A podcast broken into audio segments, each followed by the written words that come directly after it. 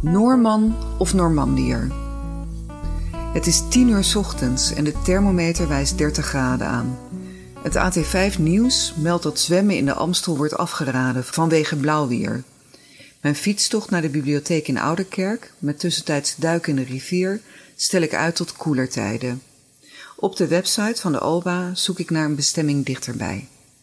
Vanochtend worden er plaatjes gedraaid op de vaste vrijdagochtendbijeenkomst van ouderen in de wijk in de Spaarndammerstraat. Dat klinkt goed. Ik trek rode schoenen en een bijpassende polkadotjurk aan, stift mijn lippen en vertrek. Er zal niemand komen met dit weer, maar als er gedanst wordt, dan ben ik voorbereid. Traag trap ik door de stad die loom en lodderig is. Bruggen zijn opgezwollen en zitten klem in de greep van de hitte. Koelen met water biedt nog nauwelijks soelaas. Het beloofde onweer van gisteravond bracht vier druppels regen, maar geen verkoeling. Het was de heetste nacht ooit. Ik parkeer mijn fiets in de schaduw, want alleen al de gedachte aan stilstaan in de zon doet me zweten. Over rood linoleum wandel ik de bibliotheek binnen. Achterin tref ik aan een grote tafel een groep mensen. Ouderen? Ik had ze me anders voorgesteld. Goed, ze zijn ouder dan ik en overwegend grijs, maar ze lijken in niets op de doelgroep voor wie sinds begin deze week van overheidswegen het warmteprotocol is geactiveerd.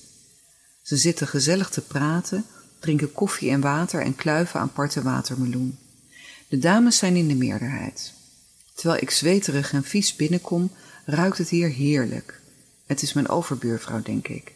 Met haar waaier verspreidt ze een exotisch parfum. Ik zie nergens een platenspeler en al snel wordt duidelijk dat het programma gewijzigd is. Er worden geen plaatjes gedraaid. Vandaag houdt een vast lid van de groep een lezing over York, haar geboortestad.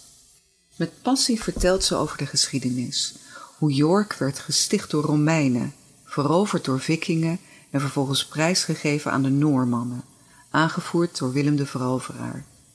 Maar wacht eens even, Willem de Veroveraar was toch een Fransman en geen Noorman?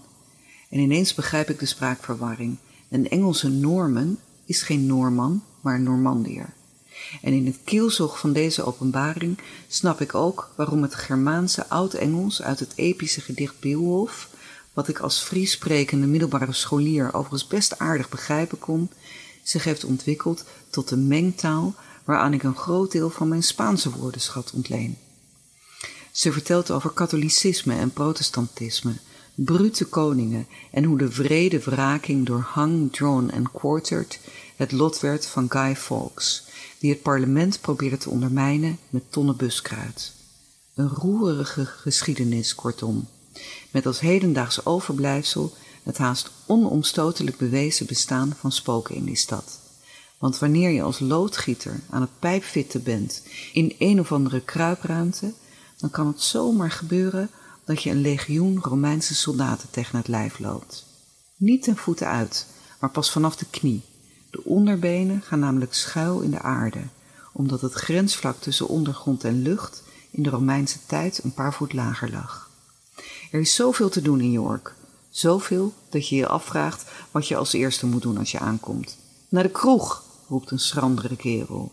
Gelach alom, maar hij heeft gelijk, dat is vaak het beste zeker als het buiten 35 graden is. Ik pak mijn laptop in en kuier naar de kroeg aan de overkant.